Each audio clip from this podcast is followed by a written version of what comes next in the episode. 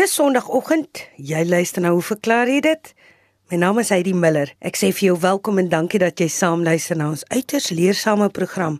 Natuurlik bly ons onderwerpe altyd bitter interessant, soos vandag se vraag van luisteraars wat handel oor voelkykentjies wat 'n luisteraar lewend op 'n teerpad in hul aftreeoord gekry het. En dan ook is daar 'n vraag oor die verskil tussen hase en konyne. Dis nou die navraag van luisteraars aan ons gaste vandag, die dierkundige emeritus professor Lefras Mouton, verbonde aan die departement plant en dierkunde aan die Universiteit van Stellenbosch en dokter Juri van den Heever, 'n paleontoloog. Eerste aan die woord is Lefras. Janet van Onrus het vir ons 'n foto gestuur van 'n voelkyken en dan skryf sy daarby. Hierdie klein voeltjie het in ons aftreeoord opgetel. Dit het nog gelewe en het op die teer ongeveer 40 cm van die rand van die pad gelê. Die pad loop vlak langs 'n inheemse tuin met baie fonteinwater. Daar's egter geen bome naby nie en kan nie iets wees wat uit die nes geskop is nie. Dan sê sy nakkies, daar's wel volop duwe, koekies en suikerbekkies, sowel as dikkoppe wat ons een keer laatmiddag daar gesien het. Die eenaardige ding is dat ek die volgende dag, soos déjà vu, weer op presies dieselfde plek nog 'n kuiken gekry het. Weereens nog lewendig. My man het albei van kant gemaak, want kans op oorlewing het hulle nie. Dit fascineer ons en pla ons ook. Hoe kon die twee daar beland het? Honde word nie toegelaat om los rond te loop nie en hier's feitelik geen katte nie.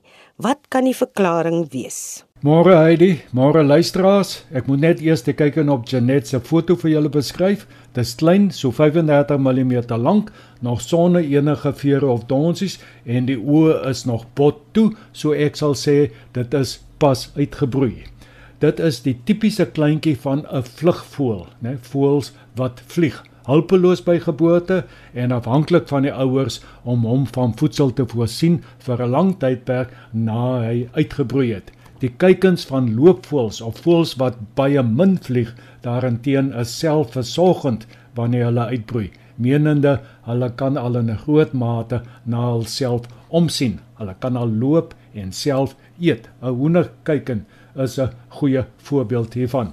Hierdie voëls broei ook tipies op die grond. So Janet, die dikkop wat jy al daar opgemerk het, is so 'n voël wat op die grond broei en waarvan die kuikens selfversorgend is wanneer hulle uitbroei. Ek dink 'n mens kan maar roofdiere buite rekening laat wanneer daarna 'n verklaring vir die kuikens wat op die teer gevind is gesoek word. 'n Roofdier sou tog nie twee dae na mekaar ongeskonde prooi op die teer agterlaat nie. 'n Mens dink natuurlik ook dadelik aan 'n uh, sterk wind wat moontlik die nes kon beskadig het uh sodat die kleintjies uitgeval het. Uh Janet noem wel dat daar nie bome in daardie inheemse tuin is nie, maar vlugvoëls broei nie net in bome nie, maar ook in struike en ander situasies naby die grond. So daar mag wel vlugvoëls wees wat in die inheemse boomlose tuin van die aftreeoord broei. Weereens egter, waarom sou die wind dan nou twee dae na mekaar gelei het tot 'n kleintjie wat op presies dieselfde plek op die teer gelê het? Uh mens moet ook noem dat die neste van die meeste kleiner vlugvoëls is stewige, diep uh, as ek bedoel diep koppievormige strukture uh, is en dit is moeilik om te sien dat die wind kleintjies uit sulke neste kan uh, waai of selfs die neste uit die struike kan kan uitwaai. Dit is wel waar dat die neste van duwe nie so stewig is nie, maar die kyken op die foto is definitief nie van 'n duif nie. Ons kan nou nou die volgende vraag vra: Is die kykens moontlik deur die ouers uitgeskop? Ja, dit is so dat baie voëlouers sieklike of misvormde kleintjies uit die nes sal skop, maar die kyken op die foto lyk vir my in 'n in 'n gesonde toestand te wees. Die moontlikheid dat hulle uit die nes geskop is, laat my egter dadelik aan nesparasiete dink. Dis nou voëls wat hul eiers aan ander voëls se neste lê om uitgebroei te word. Janet Daar is die va moontlikheid dat die twee kuikens op die teer wat julle nou gekry het, die gevolg was van nesparasitisme deur een van die koekoek spesies. Eers gou 'n bietjie agtergrond oor koekoeke. Dis nou voëls behorende tot die familie Cuculidae. omtrent 56 van die ou wêreld koekoekspesies. Nou ou wêreld verwys hierso na Afrika, Asië en Europa. En drie van die nuwe wêreldsoorte, dis nou die Amerikasin, is nesparasiete wat al eiers in ander voëls se neste lê. Nou die meeste van hulle is verpligte in Engels obligate nesparasiete menende dat dit is die enigste manier waarop hulle voortplant, né? Hulle moet hulle eiers in ander voëls se neste lê. Daar is ander koekoeksoorte wat nie verpligte nesparasiete is nie. Hulle lê hulle eiers soms in die neste van lede van hulle eie spesies, maar hulle broei ook self. Doppe van die eiers van nesparasiete is gewoonlik dikker en harder as die van die gasie. Dit beskerm die eier as die gasie probeer om die eier te breek en ook wanneer die koekoek baie vinnig die eier in die gasie se nes laat val, né? Wanneer hy die eier moet lê, die die eier val letterlik in die nes in. Die koekoekeier broei gewoonlik voor die van die gasheer uit en die koekoekkuiken groei ook baie vinnig. In die meeste gevalle skop dit dan nou die kuikens en soms ook die eiers van die gasheer uit. Hierdie gedrag is geneties vasgelê. Nou een rede waarom die koekoekeier voor die van die gasheer uitbroei is omdat die koekoekwyfie haar eier vir 24 uur in haar oviduk terughou voordat dit gelê word. Haar liggaamstemperatuur is so 3 tot 4 grade hoër as die normale broeitemperatuur binne in 'n nes. Dit beteken dat wanneer die koekoekwyfie haar eier in die gasheer se nes lê, uh, die eier alreeds inkubasie tydperk gelykstaande aan 30 uur se inkubasie in 'n nes ondergaan het. Dit is uh natuurlik belangrik dat die koekoekwyfie die lê van haar eier baie goed met die gasiewyfie se eier lêry moet sinkroniseer. Sy moet haar eier plaas voor die gasiewyfie haar laaste eer van haar broeisel gelê het en op die eiers begin broei.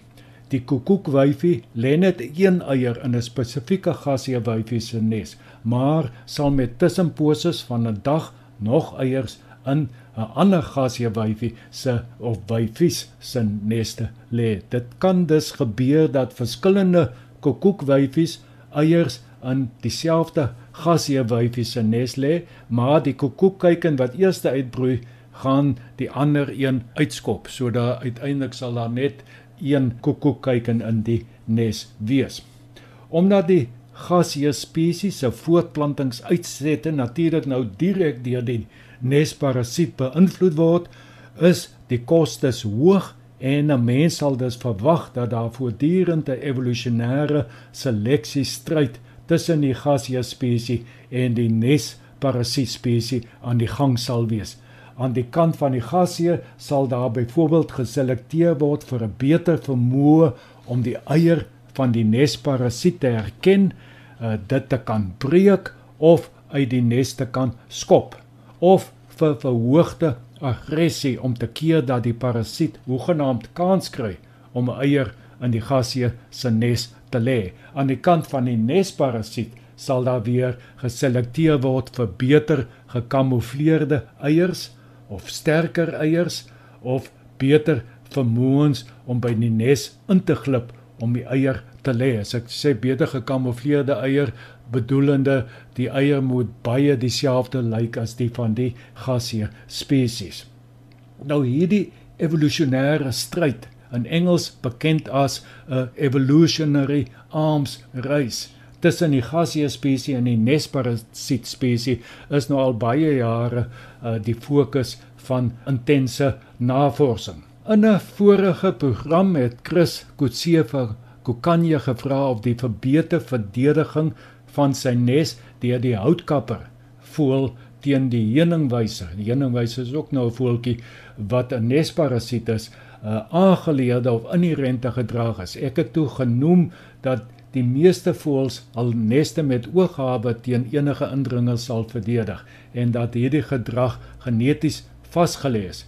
Maar indien dit nou hoegenaamd moontlik is, sal die houtkappe waarskynlik sy nes met ekstra passie teen die heuningwyse verdedig en hierdie ekstra passie sal ook geneties vasgelê wees. Nou terug na Janet se geval. Dis sommer nou net ter illustrasie. Die gewone kokie Mutakila capensis kom in die natuur dikwels naby vaswater en strandmere voor, maar het natuurlik ook al aangepas geraak by huistuine en stedelike parke. Die inheemse waterryke tuin wat Janet beskryf, klink na die ideale habitat vir die kokkie. Hulle bou al koppievormige neste uh op 'n groot uh verskeidenheid van plekke, dikwels naby die grond, soos in struike en selfs in potplante. Kokkies is egter die gasheer vir ten minste 3 koekoekspesies wat hul eiers in die kokkie se nes uh sal kom lê. Die Diedrukkie, Chrysococcus Kuipers is een van hulle en kom oor die hele Suid-Afrika voor insluitende die onrus omgewing. So een moontlike scenario is dus nou soos volg: 'n kokiepaar het hul nes in 'n lae struik dig teen die teerpad daar in die aftreeoord gebou. Die diedrukkie, 'n nesparasiet, het ook 'n eier in die kokies se nes kom lê. Die diedruk kyken broei eers uit uh of hy kan seker maar tweede ook uitbroei, maak nie saak nie, maar wanneer hy uitbroei en daar kokkie kuiken is of 'n kokkie kuiken uitbroei, sal die diedre kuiken daardie kokkie kuiken dadelik uit die nes uitskop. Een kuikentjie uh, word uitgeskop, kokkie kuiken, die val nou afgrond toe en land nou daar naby die pad of op die rand van die pad en nog lewendig skuifel kruip hierdie uh kykentjie nou 'n entjie op die teer tot da, daar waar die stal se hom dan nou nog later lewend vind. Die volgende dag, toe die tweede kokkie kyken uitbroei, herhaal die proses homself.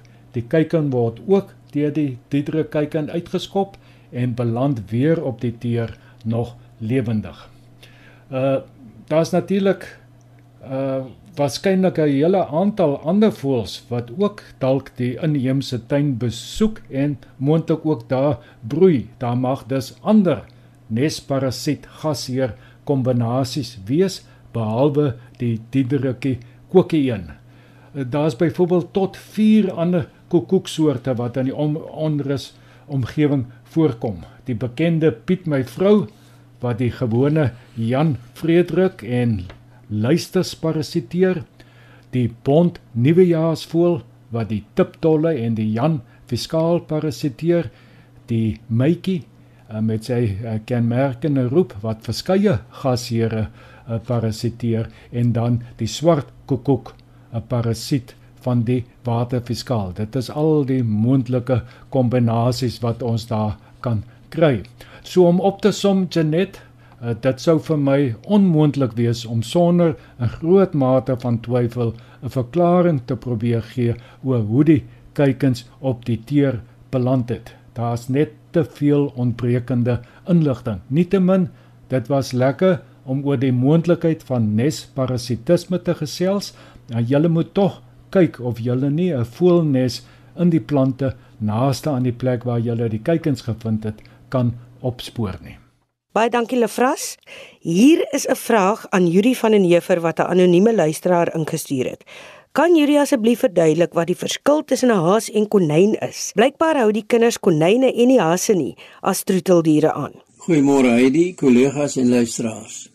Die navraag oor konyne en hase van die anonieme luisteraar van Stellenbosch het my ver laat terugdink aan ons grootword daar en ons ervarings met hase, konyne en springhase net soos toe ons kinders deur die troetelkonynfase gegaan het. Die springhaas, Pedetes capensis met sy kort voorbene, lang agterbene en 'n lang stert, lyk nogal na 'n klein kangaroetjie. Dit is egter nie 'n haas of konyn nie, maar 'n eekhoringagtige knaagdier in die orde Rodentia en daarom ook nie verwant aan ons kolhaas of vlakhaas nie. Springhase is die enigste lewende spesies in die familie Pedetidae. Konyne en hase behoort tot die orde Lagomorpha en die familie Leporidae. Daarin resorteer die hase en die konyne. Byvoorbeeld die vlakhaas of rooipootjie Lepus capensis wat oor meeste dele van Afrika voorkom en kleiner as die kollaas is. En die kollaas Lepus saxatilis, een van twee subspesies in suidelike Namibië, Mosambiek, Suid-Afrika, Swaziland en Lesotho en dan ook die konyne soos byvoorbeeld die rooi klipkonyn Pronolagus rupestris en die oeverkonyn Bunolagus monticularis in die volksmond beter bekend as die ponthaas, boshaas, vleihaas of doekvoetjie.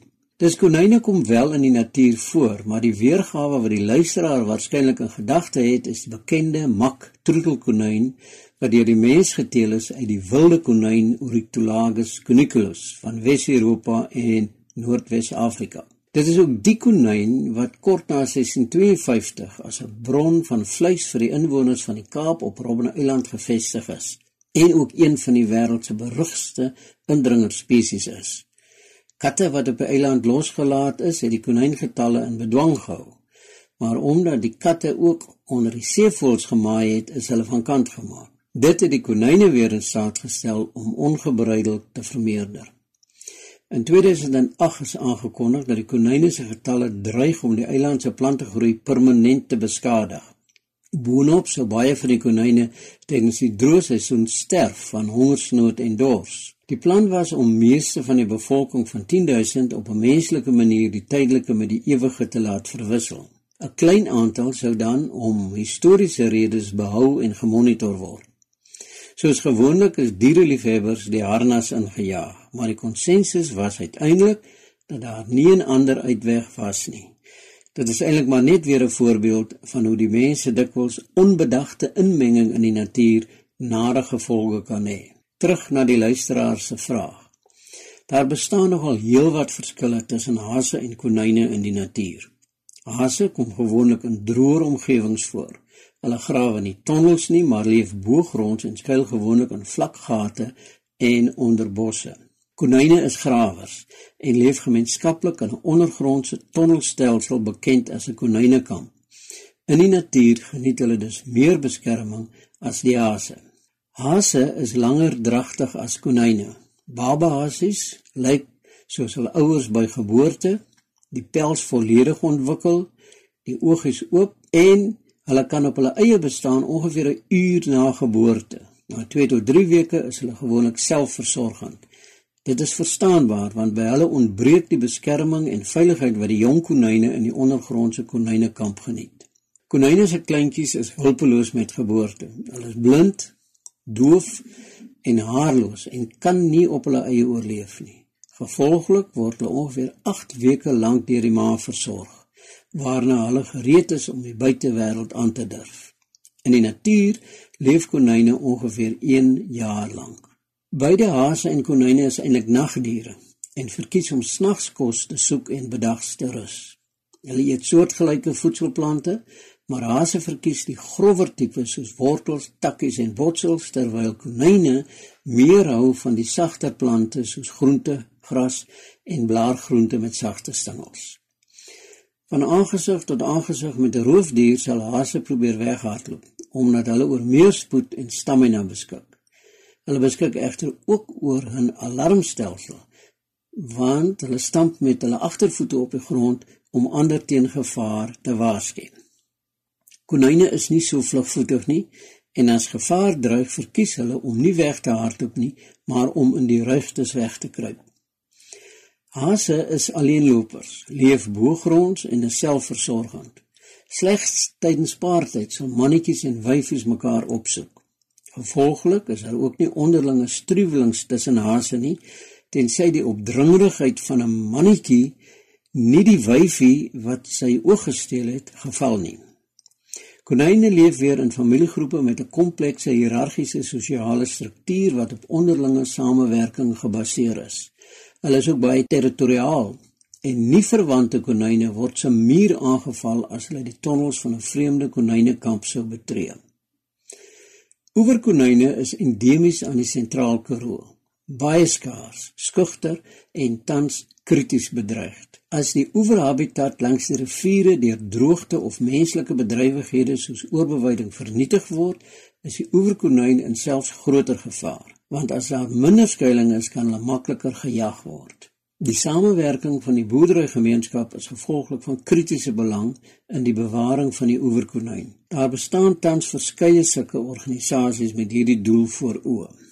Oeverkonyne is nie hase nie. Hulle het wel lang ore, maar word onderskei deur 'n swart streep van voor na agter al langs die wang en 'n bruinrooi wollerige stert. Hulle kan van vlakhase en kollhase onderskei word omdat die swart en wit stert het. Die oeverkonyn het ook dik wollerige agterpote en 'n wit kring om elke oog.